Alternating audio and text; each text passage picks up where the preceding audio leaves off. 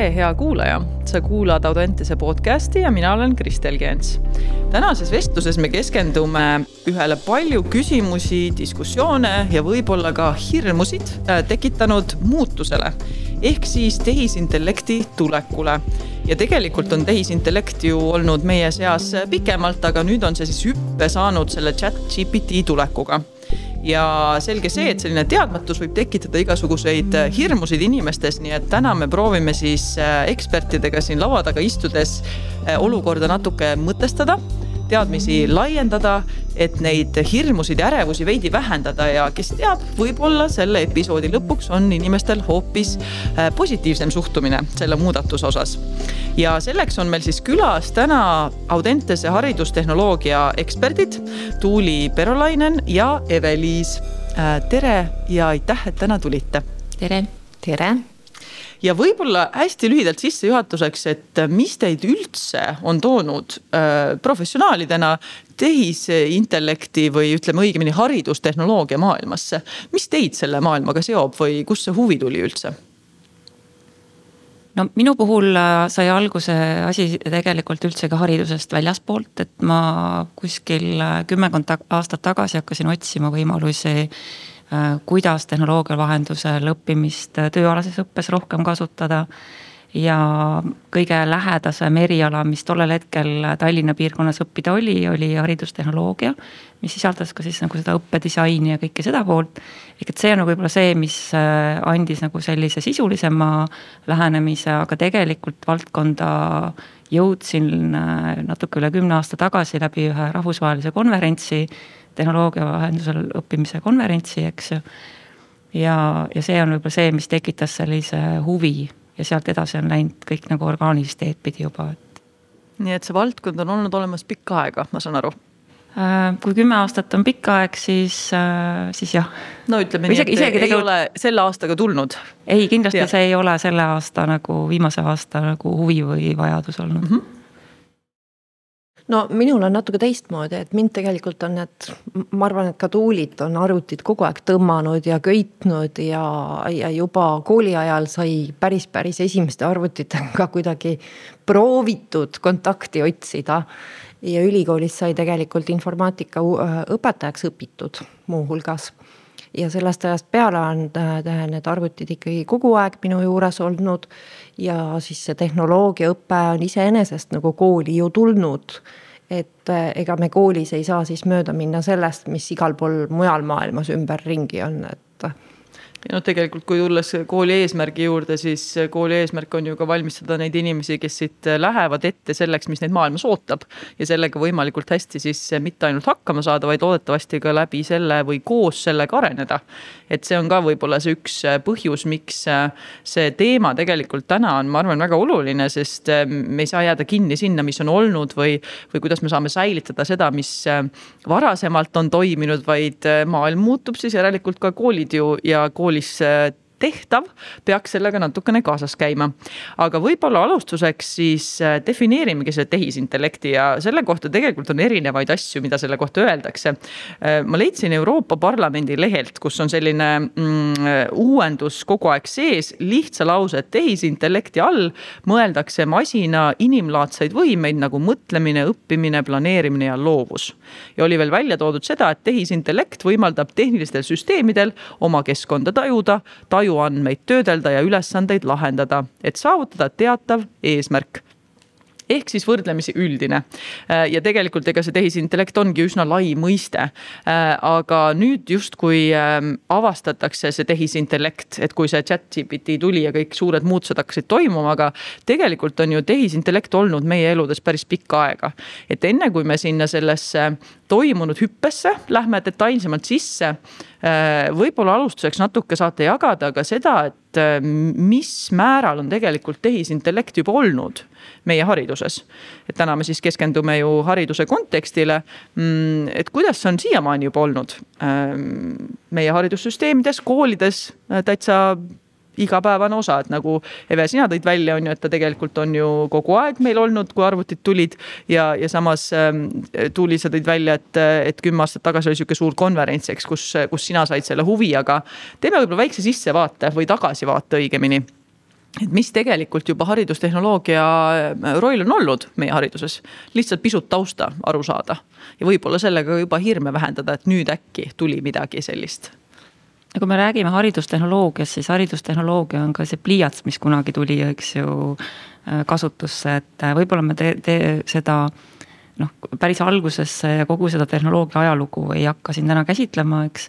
siis me vist sinna jääksimegi. aga kui me võtame nüüd äh, natuke rohkem selle tehisintellekti mõiste, siis mina täna olen selles kohas, kus mina ei taha seda defineerima hakata, sest valdkonna eksperdid ei suuda seda teha, eks ju ja, ja kuna see on ka ajas muutuv mõiste, eks ju, et ja ma arvan, et ka meie kuulajad võib-olla noh, ütleme selline teoreetiline taustsüsteem ei, võib-olla ei aitaks nii palju.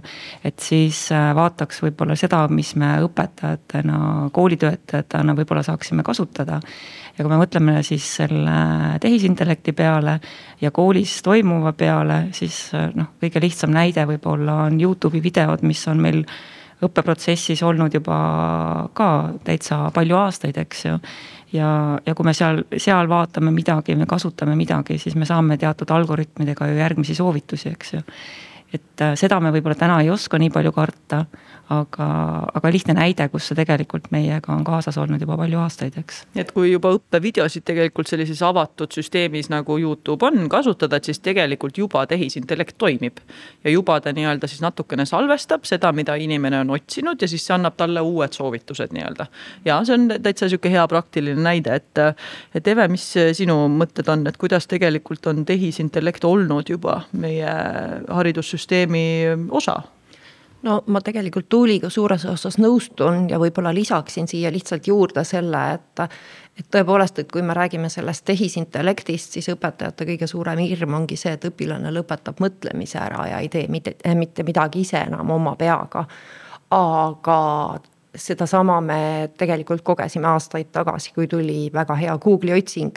ja samamoodi sai andmeid ja fakte guugeldatud ja sulle anti see küll töötlemata kujul kätte ehk kellegi teise poolt varem looduna.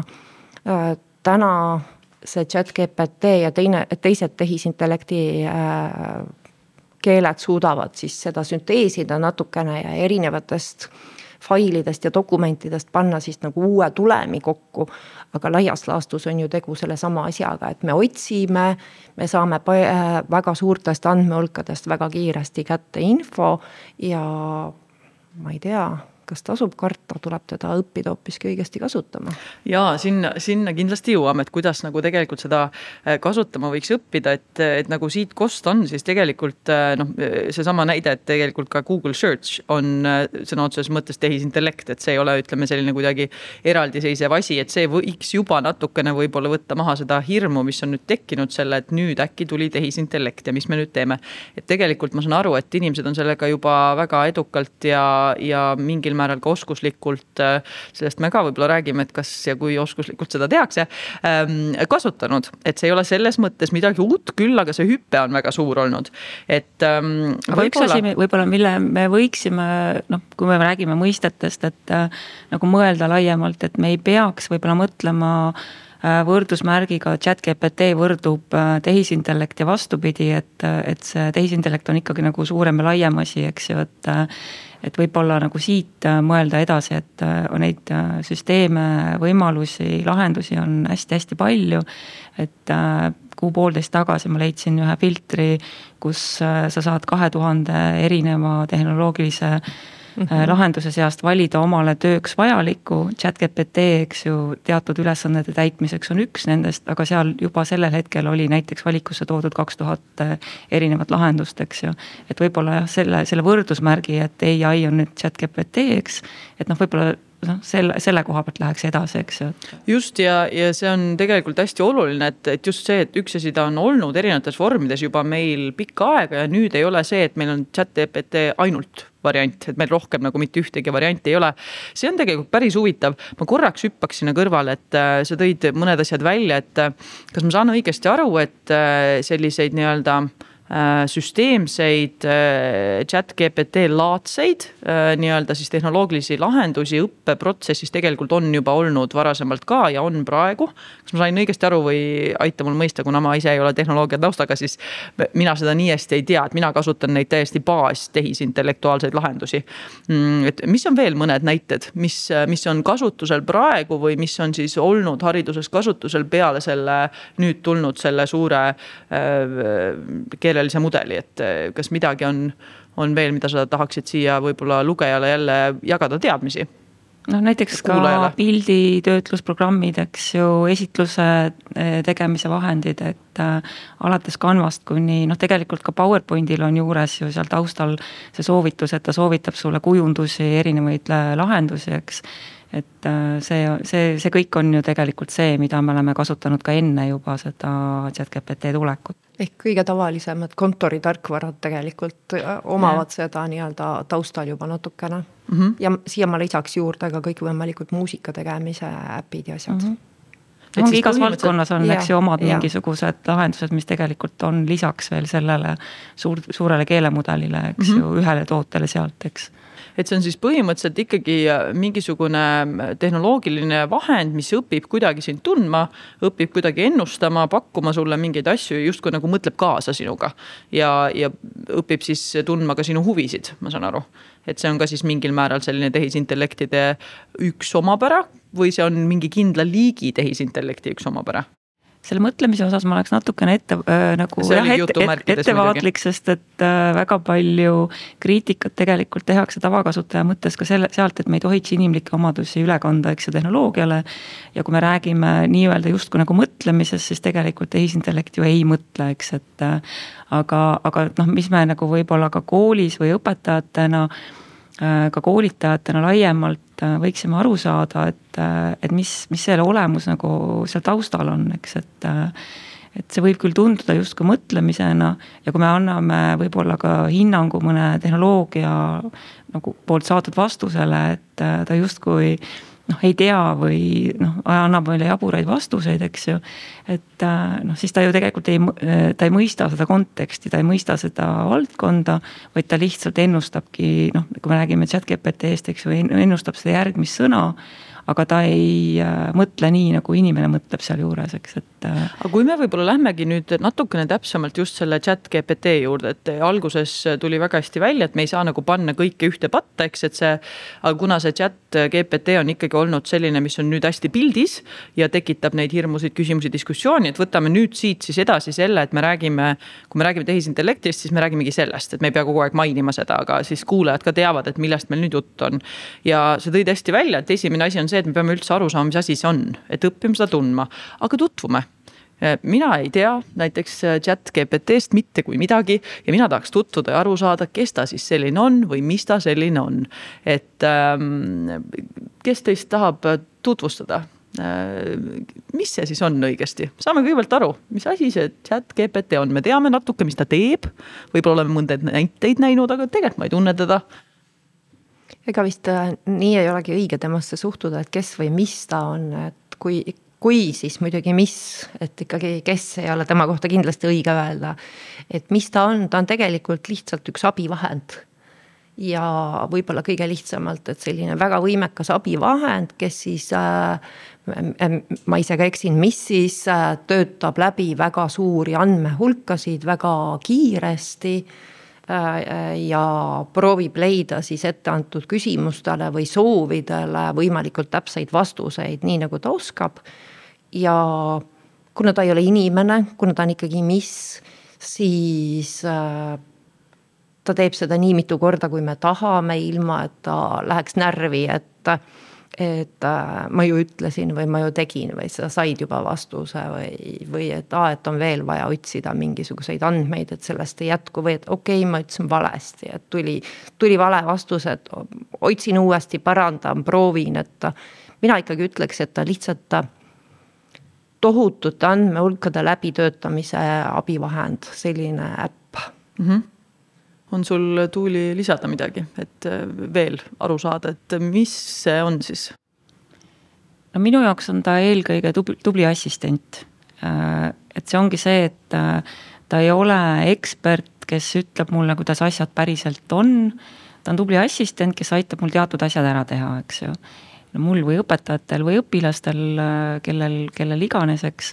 aga, aga see, et ma pean ikkagi ise aru saama, mida mul vaja on, oskama kontrollida seda, et kas see, mida see assistent on mulle lauale toonud, on adekvaatne või ei ole, eks ja, ja kui ma ei ole osanud assistendi käest talle head tööülesannet anda või osanud õigesti küsida ja ma saan ta käest vale vastuse, et siis ma ei peaks mitte teda süüdistama selles Äh, vaid äh, mõtlema, et kuidas ma ise saaksin paremini, targemini küsida, eks ju, et. Äh, et võib-olla nagu see on üks, üks pool ja, ja ka see, et noh, kui tuua see näiteks seesama Eve poolt välja toodud, eks ju, kirjeldusest nüüd nagu konkreetsesse näitesse, siis alles üks päev võtsime ette chat GPT nelja Äh, ja, ja just nagu selle koha pealt, kuidas seda näiteks keeleõppes kasutada saab ja see tuli kuidagi lauale täitsa sellist orgaanilist teed pidi. et äh, vaja oli kiiresti ingliskeelset teksti äh, luua veebilehele ja, ja kuna see ingliskeelne kirjutamine ei ole igapäevane ja võib-olla nii loomulik kui eesti keeles on, et siis igaks juhuks noh, mitte nüüd minna seda teed, et jätta see omapoolne mõtlemine ära Äh, kirjutasin tekstid valmis inglise keeles ja palusin äh, chat-GPT-l siis need tekstilõigud äh, ära parandada, highlight ida need kohad, kus ma olen võib-olla eksinud, kus ta soovitaks midagi muud, eks ju. Äh, ta tegi seda. et ta siis annab ka tagasisidet, ma saan aru, et selles suhtes ta on ka nagu justkui kasulik, see jätkame seda assistendi nii-öelda analoogi, et ta siis. sinna, sinna ma tahtsingi jõuda ja just nagu õppimise ja õpetamise kontekstis, eks ju. et mis ta nagu tegelikult äh, tegi, oli siis see, et ta parandas ära need kohad, kus ta nägi, et äh, ma saaksin paremini Äh, siis ta andis mulle hästi motiveerivat tagasisidet, kus on see koht, kus ma tahaksin öelda, et mul on raske ta kohta öelda, mis, sellepärast et ta tegi seda väga inimlikul moel, eks ju. et ta justkui käitus nagu äh, hea õpetaja. Äh, ja siis lisaks sellele, et ta oli välja toonud siis need kohad, kus ma saaksin paremini teha, ta motiveeris mind. ja, ja kui ma palusin tal enne ette antud lõikude põhjal tuua välja minu tüüpvead siis ta kategoriseeris ka need väga vahvalt ära ja tõi sinna juurde veel sellised äh, noh, ekstra nagu tagasiside. ja ma huvi pärast vaatasin ühe inglise keele õpetajaga selle äh, materjali üle, et, äh, et vaadata, et kus maal siis on see koht, kus, kus ta tegelikult andis valesoovitusi siis ütleme nii, et need grammatilised parandused, mis ta tegi, et need on nagu sellised kontekstist lähtuvalt võib-olla vaieldavad. midagi oli see, kus õpetaja nägi asja teistmoodi kus chat GPT jäi alla nagu sellele noh, ütleme, et ei saanud oma ülesandega hästi hakkama, olid need kategooriate pealkirjad. ehk et kui ta eessõnade kategooria pealkirjaks pani, siis ta seal all rääkis millestki muust. aga see, mis soovitusi ta seal all andis, oli tegelikult sisuliselt hästi hea, eks ju ehk et kui me mõtleme õpetam-, õpetamise ja õppimise konteksti, siis äh, õppija jaoks, kes tahab õppida, selline dialoogipartner, äh, kes sind äh, aitab nagu selles õppeprotsessis harjutada äh, sügavuti minna mingis teemas, eks ju. et kui sa oskad õieti küsida, siis äh, väga, väga vinge abi, abiline tegelikult mm. -hmm. ja ka õpetajale, kui ma siit edasi mõtlen, mida me ka inglise keele õpetajaga vaatasime, eks ju.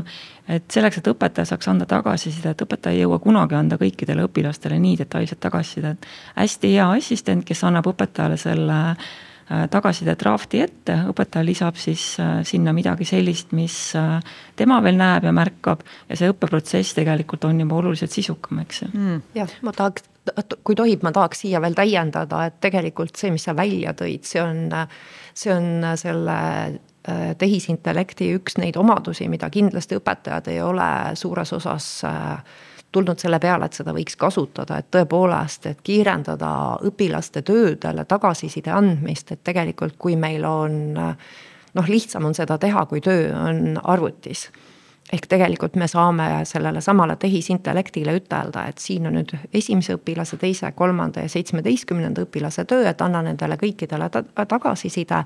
ja siis ise lihtsalt see üle vaadata, ehk nii nagu õpilaste puhul, nii ka õpetajate puhul ja sinu jutust tuli samamoodi välja, et see tehisintellekti tulekuga seoses see, see tulemus, mille me saame et selle kriitiline ülevaatamine ja, ja äh, teravalt hindamine, et kas see, mis mulle öeldakse, on õige või mitte, et kas ma pean seda vastu võtma, teda muutma, teda aktsepteerima või kuidagi täiendama.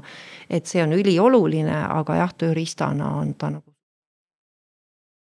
okei okay,, selline päris hea esimene ülevaade üsnagi põhjalikult ühe näite näol ka, et mida siis tegelikult see nii-öelda äh, chat GPT endast kujutab ja mis võiks tema roll olla.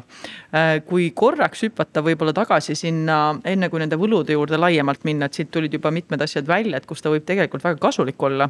ja mitte siis ainult äh, selle mm, õppursportlase või õpilase jaoks, vaid ka tegelikult õpetaja jaoks, et ta võib olla väga hea tööriist tegelikult, mida kasutada sellest tahaks kohe pikemalt rääkida. Äh, korraks minnes tagasi nende hirmude juurde, et kuidas teie üldiselt praegu tajute, et kas, äh, mis olid üldse õpetajaskonnas või on endiselt sellised äh, hirmud seoses chat GPT-ga, mis on põhilised asjad, mis tekitavad küsimusi, diskussiooni, kahtluseid? no plagiaadihirm on ikka esimene muidugi, et õpilane loobub üldse oma mõtte mõtete kasutamisest ja ise sõna, sõna ja lause koostamisest. ja võtab kõik selle chat GPT-lt, et mina ütleks, et kui õpilane võtab sealt idee ja seda ise edasi arendab ja sinna siis nii-öelda enda arvamust ja mõtet juurde paneb, kriitiliselt selle üle vaatab, siis see vastupidi aitab kõiki, loomulikult õpilasi, loomulikult õpetajaid. aga jah, õpetaja kõige suurem hirm on see plagiaadi hirm võib-olla üks asi on ka see, et, äh, et kui me ja oleme jõudnud kuskile punkti, kus me saame aru, et võib-olla on meil äh, õppeprotsessis mingisugused tegevused, äh, mis siiamaani on töötanud hästi, kõik need esseede kirjutamised ja muud toredad asjad, kuigi noh, esseevabrikud on juba ju ka palju aastaid olnud, et see ei ole tekkinud nüüd, et nüüd on äkki tehnoloogia tekkinud, et mis, mis kuidagi seda plagiaati. noh, ta võib-olla võimendab, eks ju, aga, aga aga siis me saamegi vaadata nagu seda, et või noh, kus see õpetaja hirm tekib, et ma pean äkki väga paljudel kursustel väga palju põhimõtteid muutma, ülesandeid muutma, oma töö ümber korraldama. et see töömaht võib-olla isegi kui ma saan aru, et ma peaksin hakkama kuidagi teistmoodi ülesandeid andma või õppeprotsessis midagi teistmoodi tegema. et äh, siis see töömaht tundub nagu nii kolossaalselt suur, et äh, et võib-olla noh, ja kus, kus me räägime hirmudest, et kuidas siit nagu edasi minna, et. et lihtsalt vaikselt kuskilt hakata pihta, katsetada, proovida ja, ja mitte proovida võib-olla siis kogu seda suurt võrrandit korraga ära lahendada, eks ju, et. et see on ka, mis paistab tegelikult silma, eks ju, et mm. -hmm ja siin on noh, kaks olulist mõtet, et üks asi, üks asi just see, et äh, äkki see õppeprotsess ei täida seda eesmärki enam, noh, kui seda hakatakse kasutama, et äh, noh, kuna õppeprotsessi eesmärk võiks ikka ju olla see, et inimene hakkab ise oma aju tööle panema ja kaasa mõtlema ja süsteemselt mõtlema ja oskab oma arvamusi väljendada, oskab loov olla, et kui see anda nüüd täielikult endast ära, et siis äh, võib tekkida see hirm, et äkki nüüd tal endal need ei arenegi, eks. et see on siis üks osa, mis puudutab seda õpilase vaadet ja, ja teine asi siis, mis ma kuulen kuulen, on siis ka selline hirm lihtsalt muutuste ees. et mida see muutus kaasa toob, kui palju see töömahtu suurendab, kuidas ma sellega toime tulen, kas mul on teadmisi. mis on tegelikult ju kõik täiesti normaalsed inimlikud hirmud. et inimesed ei ole kahjuks sellised, et me hurraaga võtame vastu muutuseid, me oleme pigem sellised, kes tahavad minna samamoodi edasi, sest et see on sihukene turvaline, tuttav ja see on asi, mida me, mida me teame ja ilmselgelt selline olukord võib tekitada äh, ärevust, võib tekitada küsimusi ja kui sellises äh, olekus olla, siis on väga raske ka mõelda lahendustele. sest noh, nagu me teame, õppeprotsessis aju töötab ju paremini, kui ärevus ei ole nii kõrgel. et nüüd äh, võib-olla kui siit edasi liikuda, siis äh, proovikski nüüd natukene seda ärevust siis pisut vähendada. Äh, teadmiste laiendamisega, et äh, mis on mõned sellised viisid, kuidas siis õpetaja tegelikult või ka kool laiemalt saaks ähm, mm, seda kohanemisprotsessi ja võib-olla läbi selle ka kasvamise protsessi siis toetada. et mida teha saab, võtame näiteks mõned sellised näited läbi, et võtame alguses õpetaja vaate. et kuidas saaks õpetaja siis ennast aidata äh, selleks, et seda chat GPT-d enda kasuks äh, tööle panna noh, kõige esimene asi on kindlasti see, et paljud on võib-olla tänaseks juba proovinud, eks ju, katsetanud esimesi asju. aga ikkagi jällegi see, et võtta üks väike valdkond, võtta üks väike teema, kasvõi üks äh, koduülesanne, eks ju. ja, ja proovida katsetada, et, äh, et mida see annab, eks ju. Äh, kuidas see klassis töötab, kuidas see kursusel töötab, et kui me e-gümnaasiumis ei räägi võib-olla nii palju klassiõppest, vaid räägime ka sellest äh, distantsilt ja online õppest, eks ju, et et kuidas äh, minu õpilastega selles aines, selles, äh, selles eesmärgis, kuhu ma pean jõudma, eks ju, töötab.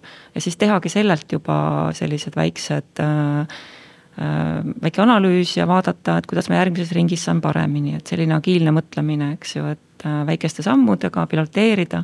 üks asi, mis e-gümnaasiumis on nüüd nagu käima läinud hästi huvitavalt tegelikult nagu on seesama, et tegelikult algatusõpetajatelt, et et äh, kui me oleme siin kursuseid disaininud ringi, äh, siis äh, ühel õpetajal tuli see mõte, et tegelikult me võiksime teha sellised nagu praktika kogukonnalaadsed asjad, et ta ei ole kooli poolt korraldatud, et nüüd meil on koolitus, nüüd me kõiki õpetame. vaid ongi see, et õpetajal on vajadus, ta annab sellest teada, me kogume kokku huvi, huvilised, kellel on veel sarnane vajadus, me ei aja sinna kõiki kokku, eks ju. vaid ongi see, et et me lähme väikeste sammudega, piloteerime, võtame alguses kasutusele või noh, või gruppi need, kes ongi entusiastlikumad võib-olla uut tehnoloogiat kasutama, saame nendega oma vitsad kätte. ja kui me oleme loonud mingisuguse sellise nagu aluse või põhi noh, ütleme lahenduse, mis võiks töötada meie koolis, et siis me läheme laiemalt sinna äh, nagu suuremasse ringi. ma vaatan, et sa naerad nii. huigan, ma nii huigas, et see oli nii tore, kuidas sa ütlesid, et noh, et võtame need kõigepealt ette, kes on nagu need julgemad on ju, viskame need vette, vaatame, seame sealt need vitsad kätte, on ju. ja see on äh, siiras nagu sõbralik muigamine, sest see on minu arust äh, nii äh,, siin on kaks hästi toredat mõtet, mis sa kirjeldad, üks asi see, et seda ei pea üksi tegema, et sa üksinda kuskil pusid, vaid see, et sa kaasad inimesi, jagad kogemusi ja jagad ka neid eksimusi. et see tegelikult on väga huvitav olukord praegu, kus tegelikult on õpetajaskond väga tugevalt selles olukorras, kus nad peavad olema õpilased. ja siin ongi uudishimu katsetada, avatus, äh, õppida vigadest, jagada vigu, teha järeldusi, et, et kõik needsamad oskused tegelikult, mida on ju vaja ka õpetada õpilastele kogu aeg, on nüüd nii ilmselgelt neil ees, kust ei saa enam nagu mööda vaadata ja, ja tegelikult on see ju täitsa noh, õige lähenemine, et see muigamine lihtsalt tuli selle peale, et see oli nii tore, kuidas seda kirjeldasid. ja et noh, et me teemegi niiviisi ja see ongi nagu okei okay,, on ju, ja tegelikult ongi okei okay,, et seda ei ongi need, kes julgevad rohkem ja katsetavad, las nemad siis jagavad ja, ja teised siis saavad vaikselt sammuhaaval minna, et see individuaalne erinevus ka, kui palju keegi oskab või on valmis katsetama õpetajatest, ongi ju erinev.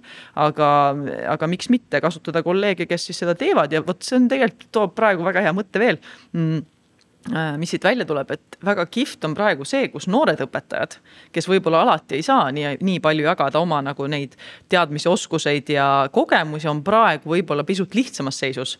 Äh, ja saavad võib-olla natukene rohkem siis olla need äh, justkui ähm, suunanäitaja ei ole kõige parem sõna, aga ütleme sellised nii-öelda siis katsetajad ja katsetaja rollis olla.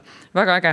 Ähm, see kõlab lihtsalt nii põnevalt, ma tahaks ise ka hüpata nendesse mõnedesse arengu või arutelugruppidesse, kus teil seda koostööd tehakse.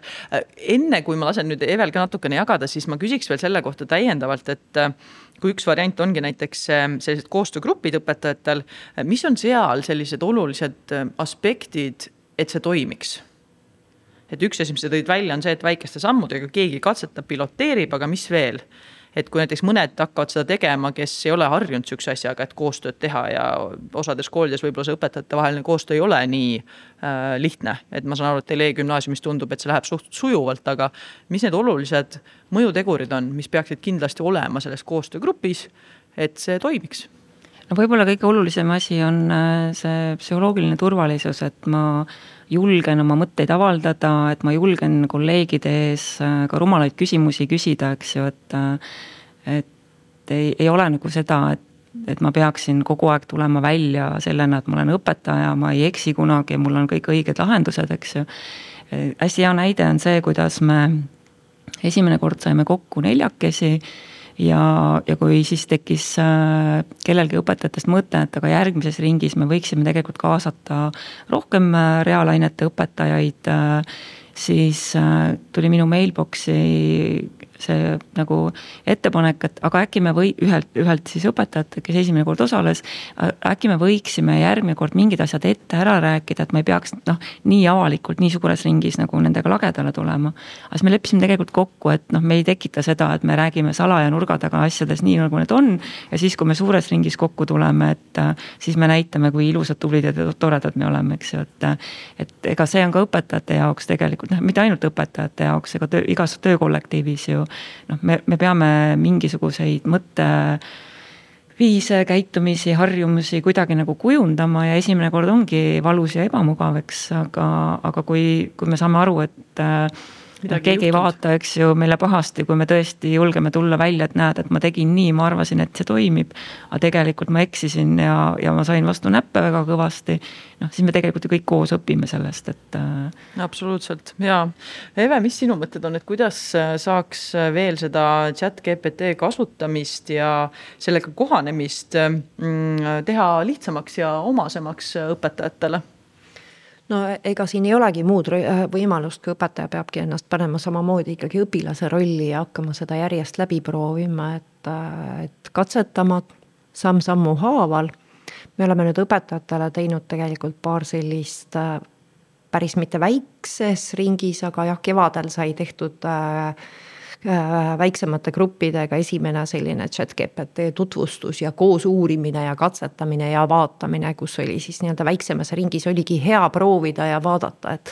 et äh, need küsimused, mis me esitame, et kas need on äh, selliselt püstitatud, et me saame ka selle vastuse, mida me ette kujutame ja, ja nüüd sellel sügisvaheajal oktoobris oli siis jätkukoolitus natukene suurem, kus me uuesti vaatasime ja ma loodan, et õpetajad said väga palju selliseid noh, mõtteid ja said julgustust, et hakata lihtsalt katsetama, et proovida kasvõi enda järgmine ainetund üles ehitada natuke teistmoodi ja, ja proovida läheneda sellele selliselt, et miks ma pean ise välja mõtlema, et äkki. äkki chat GPT annab mulle häid mõtteid ja häid ideid, et mida saab teistmoodi seal teha või rääkida teise nurga alt samamoodi, et äh, ma annan talle ühe tüüpülesande ette ja palun neid teha veel viisteist tükki või isegi viiskümmend viis tükki juurde, mis oleksid sarnased, aga aga sisult erinevad, samamoodi, et kõik need ülesanded võin, võin ma paluda ära parandada ja tagasisidestada. ja no selliselt vaikselt proovides, katsetades, ma arvan, et õpetajad saavad julgust enda tööd sealt kergendada ja, ja see on nii kihvt just, mis sa kirjeldad, et ma kujutangi ette, et kui palju võiks jääda sealt nagu ajalist ressurssi üle oh,. selleks, et tegeleda just nende nii-öelda olulisemate asjadega, noh, millest võib-olla küll enda nii-öelda professioonist lähtuvalt natuke kaldu olen sinna, aga just see suhtlemise komponent, et siis tegelikult olla just selles mentor ja suhtlu-, suhtlevas ja ähm, õpilasega kontakti loomises rohkem ja, kui see, et tegeleda asjadega, mis võtavad nii palju aega, näiteks seesama, et ühe tüüpülesande viiskümmend erinevat varianti, noh, see võib võtta ühelt õpetajalt ikka väga palju aega ära, et selle asemel ta saab selle lasta kellelgi nii-öelda sellel abilisel teha ja, ja ise keskendudes rohkem nendele asjadele, mis äh, vajavad võib-olla rohkem tema ajuressurssi, eks, et see ajuressursi kasutus läheks nagu paremasse kohta. Ähm, aga siia võib juurde veel mõelda, et miks peab õpetaja neid ülesandeid tegema. et kui me näiteks äh, matemaatikaõpetajaga vaatasime kaheteistkümnenda klassi, noh, me muidugi peame vaatama ka seda, et kas me räägime esimesest klassist või kaheteistkümnendast klassist, et seal on ju ka väga suured erinevused, eks ju, mis konteksti me võtame aga näiteks kaheteistkümnenda klassi matemaatika ülesanne, mis oli selline tekstiülesanne, suhteliselt äh, stamp äh, lahenduskäiguga, eks ju et kuidas me saame personaliseerimist teha ja, ja see teha nagu õppija konteksti rohkem tema huvide konteksti asja. miks ei võiks õppijad ise äh, mingit teatud tüüpi ülesandeid anda ette chat GPT-le näiteks ja paluda temale huvitavas valdkonnas selles kontekstis esitada sedasama äh, nagu arvutuskäiku, sellise arvutuskäiguga ülesannet, eks ju. et, et ka neid kohti, kus, kus, kus õpetaja noh, kõiki asju ei pea võib-olla õpetaja tegema, eks ju, et neid kohti, kus me mõtteviisi võib-olla peame laiemalt muutma või saame muuta vähemalt mingis osas, et, et seda on tegelikult päris palju ma tahaks ühe aspekti veel välja tuua selle chat GPT juures. sa võid isegi kolm tuua, kui tahad. aa, väga tore, aitäh ehk kuna ma tegelen ka uurimistöödega, siis äh, tegelikult see on nagu üks neid kohti, kus chat GPT on minu arust täiesti hindamatu abiline ja ma ei pea mitte seda silmas, et ma ütlen chat GPT-le, et.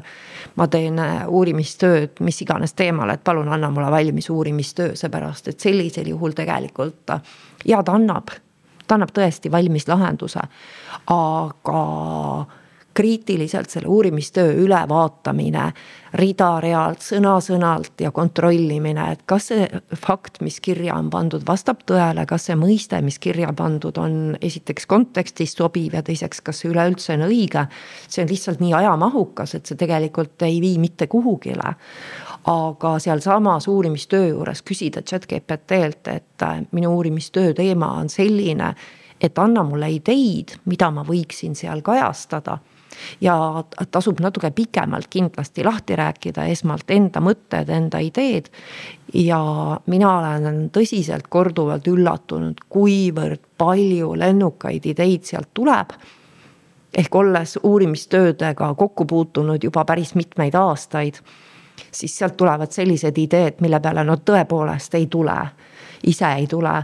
Ja need tulevad sealt hetkega. Ja kui need esimesed kümmekond ideed ei sobi, ütelda talle, et anna veel ja siis veel kord ütelda, et anna veel ideid. ja ta annab ja need on täiesti sellised adekvaatsed kasutatavad ideed et seda, seda ideede genereerimist saab igale poole üle kanda. et saab ainetundi üle kanda, saab klassijuhataja tundi üle kanda mingisse koolivälisesse tegevusse, kasvõi enda isikliku puhkuse planeerimisse, et tahan sõita Tartumaale puhkusele, et koosta mulle palun päevakava, mida ma seal kolmel päeval põnevat teen ja siin ma lihtsalt mõtlen äh, just nende ideede genereerimise peale, et siin ma kujutangi ette, et näiteks äh, kui kasutada seda, ütleme klassitunnis, et, äh, et okei okay,, et teie ülesanne ongi see, et ko koostöös selle nii-öelda assistendiga, et proovige siis võimalikult palju erinevaid ideid ja nad valivad millegi välja, siis minu nagu ütleme, järgmine Äh, huvi või mõte oleks see, et siis, siis võiks olla keegi, kes küsib seda arutluskäiku selle õpilase peas, et aga miks sa selle valisid. mille alusel sa võtsid nüüd selle idee ja miks näiteks ei võtnud seda, et mis on, mis on see olulisus, et siin saab jällegi noh, tähtis on see teine komponent ka, et kui see valik tehakse, et mille alusel see õpilane siis selle valiku teeb, mitte lihtsalt, et no mulle tundus see tore. et äh, saaks nagu aidata võib-olla neil ka arendas just sellist nii-öelda analüütilist või süsteemset mõtlemist, et mille alusel nad üldse otsustavad, vaata, mis sa Tuuli alguses mainisid, et hästi oluline on see, et kuidas me suhtume sellesse, mida see nii-öelda. chat GPT siis mulle pakub, eks, et, et mul peab olema mingi filter ka seal, mitte see, et ma lihtsalt äh, lasen tal teha mingeid asju ja siis ma sõidan sellega. et selles me ei saa ju kunagi äh, kindlad olla ja siin ongi väga huvitav tegelikult võimalus, kuidas panna nii-öelda see esialgne mahukas töö võib-olla siis selle assistendi ülesandeks, aga nüüd on ruum selleks, et arutleda et aga miks sellised otsused said tehtud. miks sa lähed sellega edasi, miks sa paned need kaks asja kokku, mida ta sulle pakkus. et seal oleks rohkem ikkagi seda mm, ajuressurssi mängus ja, ja see oleks siis ähm, õppeprotsessi äh, üks selline normaalne osa. nüüd jäin mina pikemalt siin seletama, tegelikult ei olnud üldse plaanis. Äh, küsin nüüd uuesti jälle, et kui, kui tulla nüüd selle juurde, et me saame aru, et tas tegelikult on päris palju peidus, teha ära Mm, sellist tööd, mis on ajamahukas ja mis ei ole võib-olla ka otstarbekas, et just see, et ta ei anna midagi tegelikult nii kasulikku juurde. siis mis on võib-olla siit lähtuvalt nüüd need järgmised sammud, et mida kindlasti ei saa ära jätta või mida tuleks võib-olla siis nüüd tundides rohkem teha kui seda chat GPT-d ja tema võimekust hakatakse nendeks mitte nii-öelda ähm, oluline, oluline ei ole võib-olla õige sõna, need on ikka olulised tegevused, eks, aga, aga ütleme see, et mille jaoks siis võiks jääda aega rohkem. Äh, mida peaks tegema rohkem tundides nüüd, kui ütleme, see chat GPT hakkab siis tegema mingeid asju võib-olla ähm, selle õpilase eest noh, võib-olla üks asi, mis, äh, ma ei mäleta praegu ülikooli, kes seda kasutas või kust see välja tuli, aga näiteks äh, üks asi, mis õpetajad võiksid läbi mõelda, ongi tegelikult see, et millistel juhtudel me kasutame, kus on nii-öelda roheline tuli, millistel juhtudel võib kasutada, ehk on kollane tuli ja millised on need siis nagu originaalmõtete ülesanded, tegevused, eks ju, mis on siis see nii-öelda punane tuli, et see valgusfoorisüsteem. ehk et, et võib-olla läbi mõelda nagu süsteemsemalt ja ka siis selles äh, noh, selles võtmes, et kuidas üldse sügavamat õppimist toetada, kuidas õpi huvi tekitada, eks ju, kuidas neid seoseid luua, kuidas kriitiliselt mõelda, et. et neid asju, mis on tegelikult tänagi õpetaja töölaual, aga milleni ta võib-olla ei jõua, sellepärast et tehakse noh, teist tüüpi asju, eks ju et, et siis ka te, see tehnoloogia tegelikult aitab meil võib-olla näha mingit suuremat pilti, mingeid mustreid, tegeleda asjadega nendes kohtades, kus võib-olla mõned probleemid paremini välja paistavad, eks, et. et see, mida õpetaja täna võib-olla lihtsalt oma paberi, pliiatsi ja Exceli või mõne e-kooli süsteemiga, noh, tal lihtsalt ei olegi seda andmemahtu ees, mille pealt mingeid järeldusi teha, eks ju, et. või vaadata seda, eks ju, et kus keegi rajalt maha kukub, eks ju, kes vajab järeleaitamist ja just noh, personaalsemat lähenemist äh, pakkuda, eks ju, et mm. -hmm. see on tegelikult päris huvitav mõte, et jagada see ikkagi ära ja, ja ütleme, teha ikkagi selgeks, et milles on okei okay ja milles mitte ja siin ka, ma ei tea, kuidas sulle tundub, aga mulle tundub, et hästi oluliseks saabki see selgitamine õpilastele ka, et miks me jagame selle niiviisi. et miks me siin teeme nii, miks me siin teeme naa ja miks me siin teeme kolmandat moodi. et äh, neil tekiks endal ka arusaam, et kuidas tegelikult seda chat GPT-d saab küll kasutada, aga samas me ei saa jätta tähelepanu alt välja neid teisi oskuseid, mida on ju ka vaja kuidagi arendada. et enne ma just praegu näen nagu seost, et ma tõin enne välja selle, et et justkui peaks arutlema nüüd õpilastega, et mille alusel selle valiku tegid, aga juhul, kui ta pole mitte kunagi ise teinud otsast lõpuni mingit sellist nii-öelda ideede genereerimise protsessi läbi, mitte kunagi koolis, siis tal ei saagi olla eriti sellist nii-öelda oskust mõelda, et aga mille alusel ma valin, eks, et, et ma saan aru, et mingid asjad ikkagi tuleb ka ise läbi teha, et sa ei saa nagu kõike panna kohe algusest peale selle chat GPT-le, sest et siis lihtsalt need, kus nad siis arenevad, need oskused. selleks, et seda kriitilist mõtlemist teha, eks, et kuskilt peab see kriitilise mõtlemise baas ju tulema see on väga huvitav, see valgusfoori süsteem oli väga lahe. see on sihuke hästi hea selge asi ka tegelikult, mida saab luua ja jälle koostöös õpilastega, et arutada läbi, et miks me nii teeme. et miks me ei saa panna kõigile rohelist tuld, et äh, siis lihtsalt jäävad need olulised asjad olemata. siin on äh, võib-olla jällegi see koht, et iga õpetaja ei peaks koolis seda ise leiutama, et see võiks olla nagu kooli osa või mingisuguse noh, ütleme, et kui me räägime e-gümnaasiumist, eks ju, e-gümnaasiumis näiteks ühine. ehk et ongi see, et ma õpilasena hakkan mingit ülesannet tegema ja ma ei pea nagu mõtlema, et mida huvitav see õpetaja selle all mõtleb, eks ju. vaid et äh, mingid asjad on nagu sellised, et äh, ma saan ruttu kiiresti aru, mis mult oodatakse ja siis ma saan selle asjaga sisuliselt tegelema hakata, eks ju.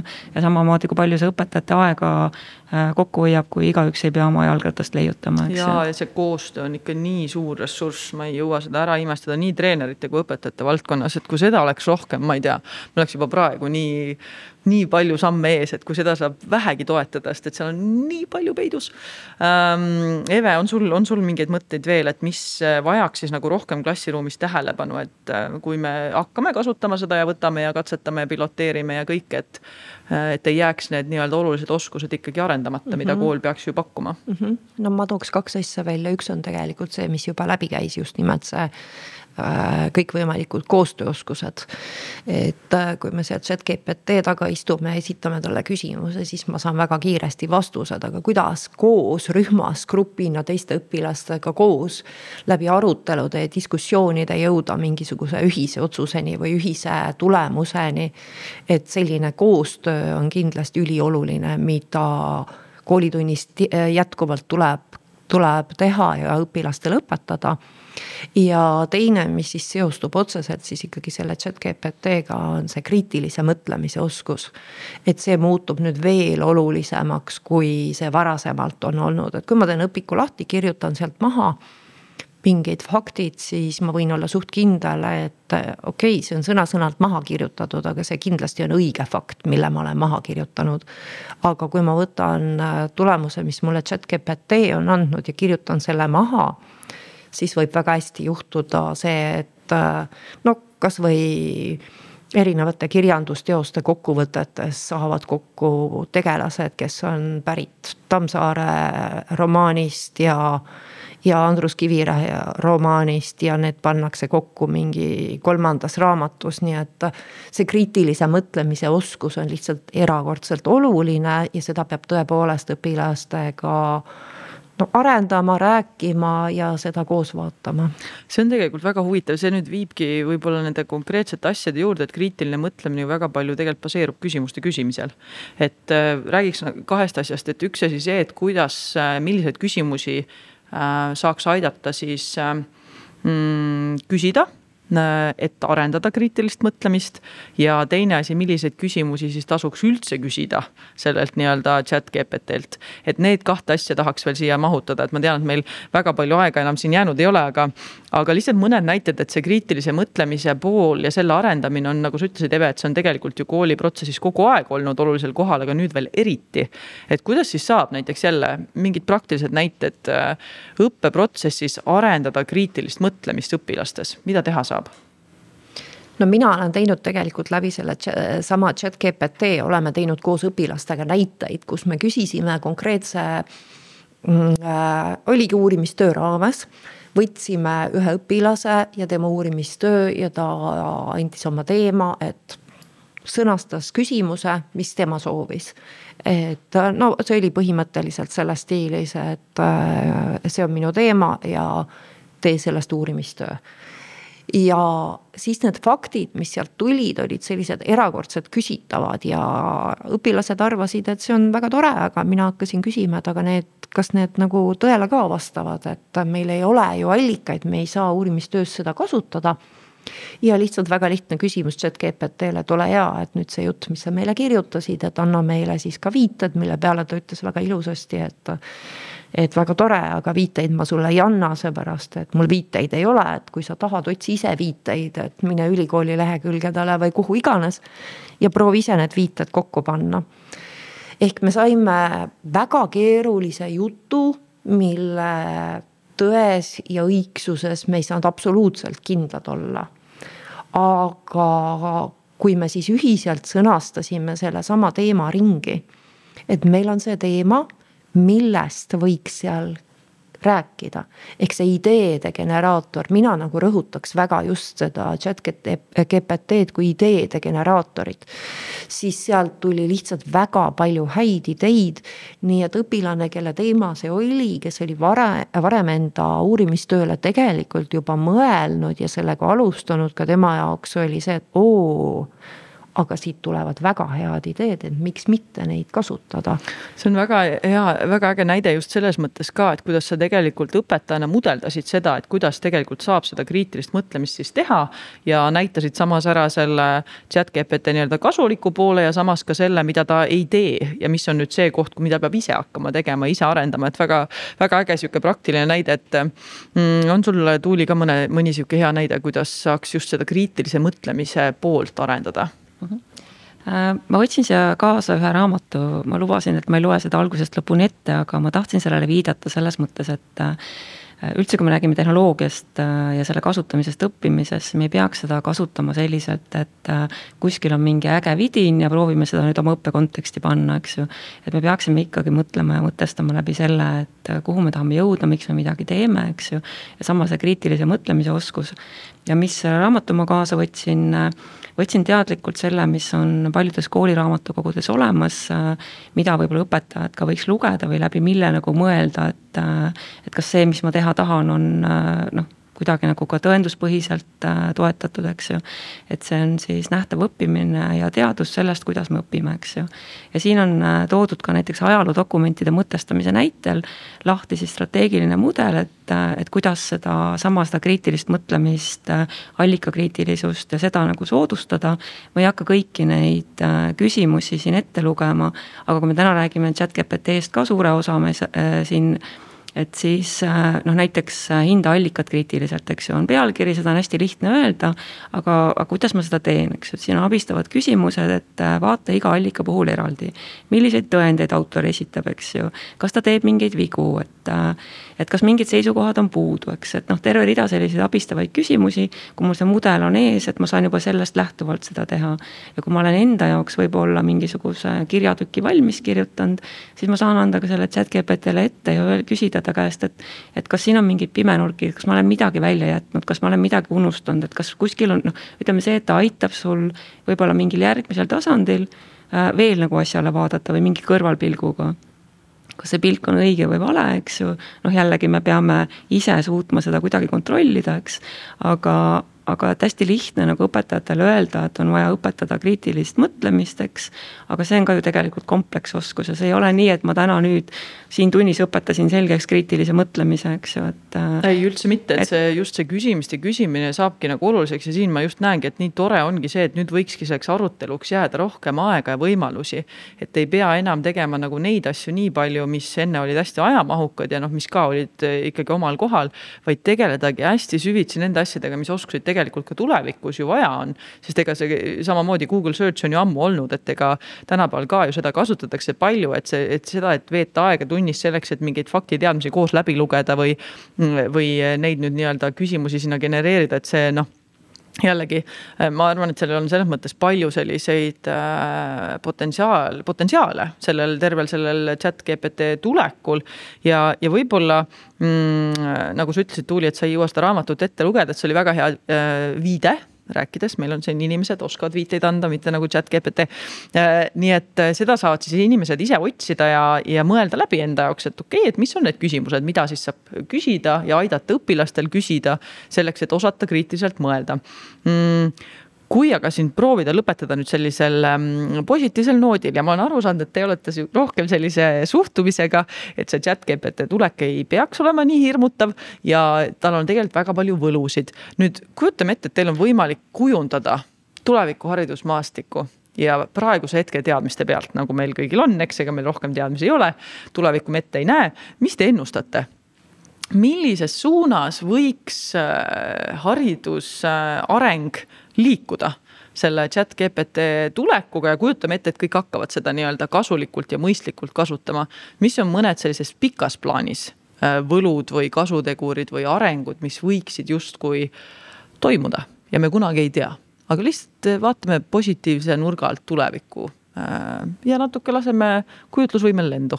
mis, mis võib juhtuda, kujutame ette kümne aasta pärast, mida see suure tehnoloogia areng nüüd võiks kaasa tuua noh, see ei ole mitte minu originaalmõte ja mingisugune ennustus, vaid äh, tegelikult on siiamaani juba mitu aastat äh, räägitud sellest, et äh, on tulemas kohe-kohe personaliseeritud õpiteed ja adapteeruv see õppesisu ja, ja kõik äh, selline õppija vajadusest ja võime, võimalustest ja võimekusest ja teadmistest, millest iganes äh, lähtuv, eks ju äh,, nagu selline õppe, õppevorm siis äh, võib-olla nüüd see tuleb meile jälle sammukese lähemale, sest äh, tehnoloogia on nii palju edasi arenenud, et, et see ei ole nagu selline lihtsalt sõnakõlks, et seda kõike peaks tegema ja õpetaja klassiruumis ei suuda kolmekümne õpilasele pakkuda siis personaliseeritud õpiteed, eks ju aga et ütleme, et see on üks asi, mis äh, mulle tundub, et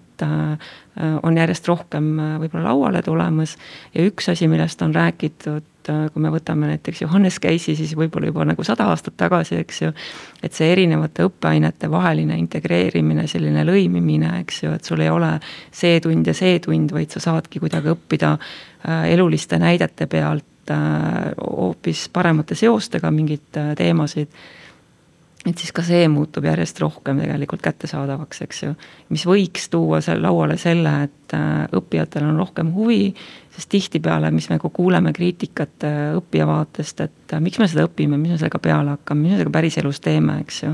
ja kui õpetaja vastus on seal see, et ära sega tundi, õpi ära, et see on kõige rumalam küsimus, eks ju. siis me tegelikult töötame vastu sellele, mida me tegelikult tahaksime töökohtadel näha hiljem, eks ju, et kõik see pool. et noh, ma arvan jah, et lihtsalt ennustada ei ole nagu mõtet, sest äh, aasta tagasi mina ei teadnud ja, ja tegelikult enamus meist ei teadnud äh, chat, chat GPT-st ja sarnastest asjadest mitte midagi, eks ju.